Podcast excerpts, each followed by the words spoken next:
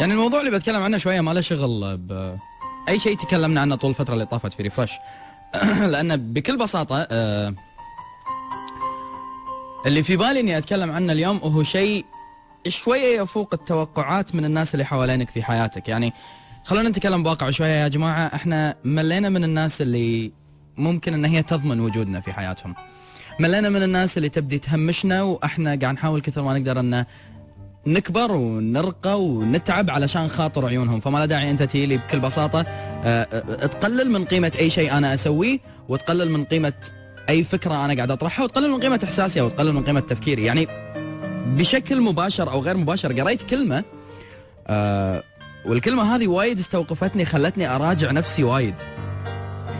الكلمة تقول آه مشاعري العفوية اللي تطلع من قلبي لك لا تغتر فيها. أنا لو أقعد ثانيتين مع عقلي ممكن تشوف شخص ثاني. صدق. هالكلمة هذه استوقفتني وايد خلتني أقعد أراجع شوية أقول صدق. المشاعر العفوية اللي إحنا قاعد نعبر فيها لايا كان من الناس اللي عرفناهم بحياتنا لا تغترون فيها لأن هذه المشاعر انولدت لكم انولدت عشانكم.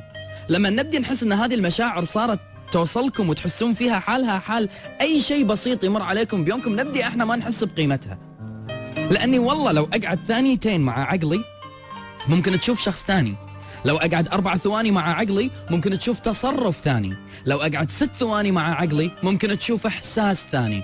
فما بالك لو أقعد مع عقلي وأفكر بالأيام والساعات؟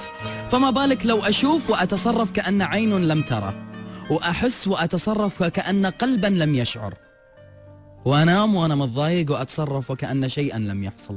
تخيل لو إن هذا كله أنا قاعد أسويه. إيش كثر الوقت اللي أنا قعدت أحسب فيه كل شيء بعقلي؟ وايد. وايد وايد وايد فوق ما أنت تتصور.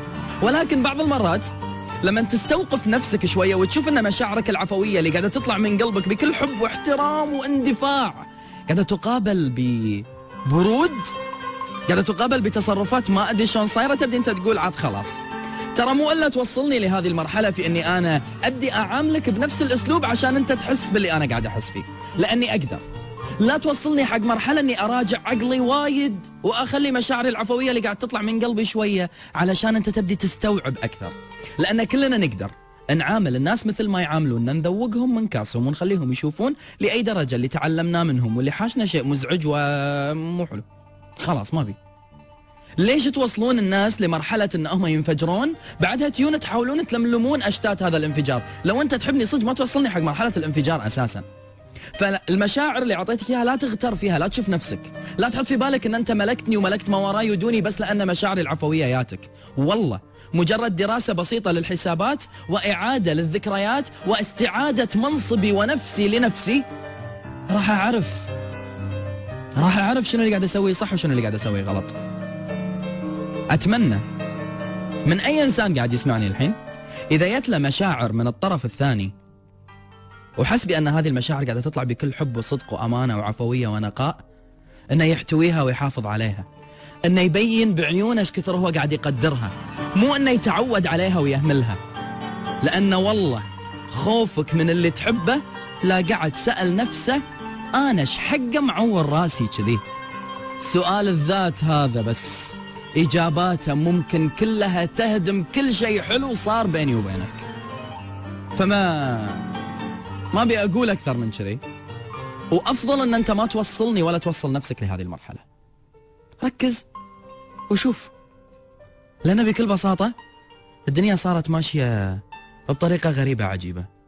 وأنا كل يوم قاعد أستغرب أكثر. إلا أنت خذيتك صمام أمان. بعد بتخليني أستغرب منك. يا ويلي من بقى بعد. بس ها. ثانيتين مع عقلي ممكن توصلني حق اسلوب يزعجك ويضايقك. وحط في بالك إني أنا إنسان ما أحب التهديد. وأكره المضرة. ولا أحب أعامل أحد بطريقة عاملني فيها. لكني أسكت وأبتسم وتعايش وأنطر لني غيري. يذوقك اللي ذوقتني تدري؟ شعورها أجمل. لأن بكل بساطة لو بعاملك العين بالعين والسن بالسن والبادي أظلم بظلمك وايد.